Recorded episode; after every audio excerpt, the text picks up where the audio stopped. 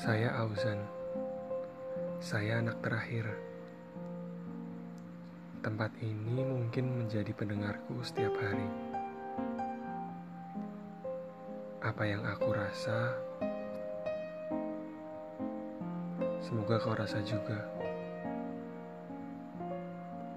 Mari kita coba berdamai dengan sebutan anak bungsu.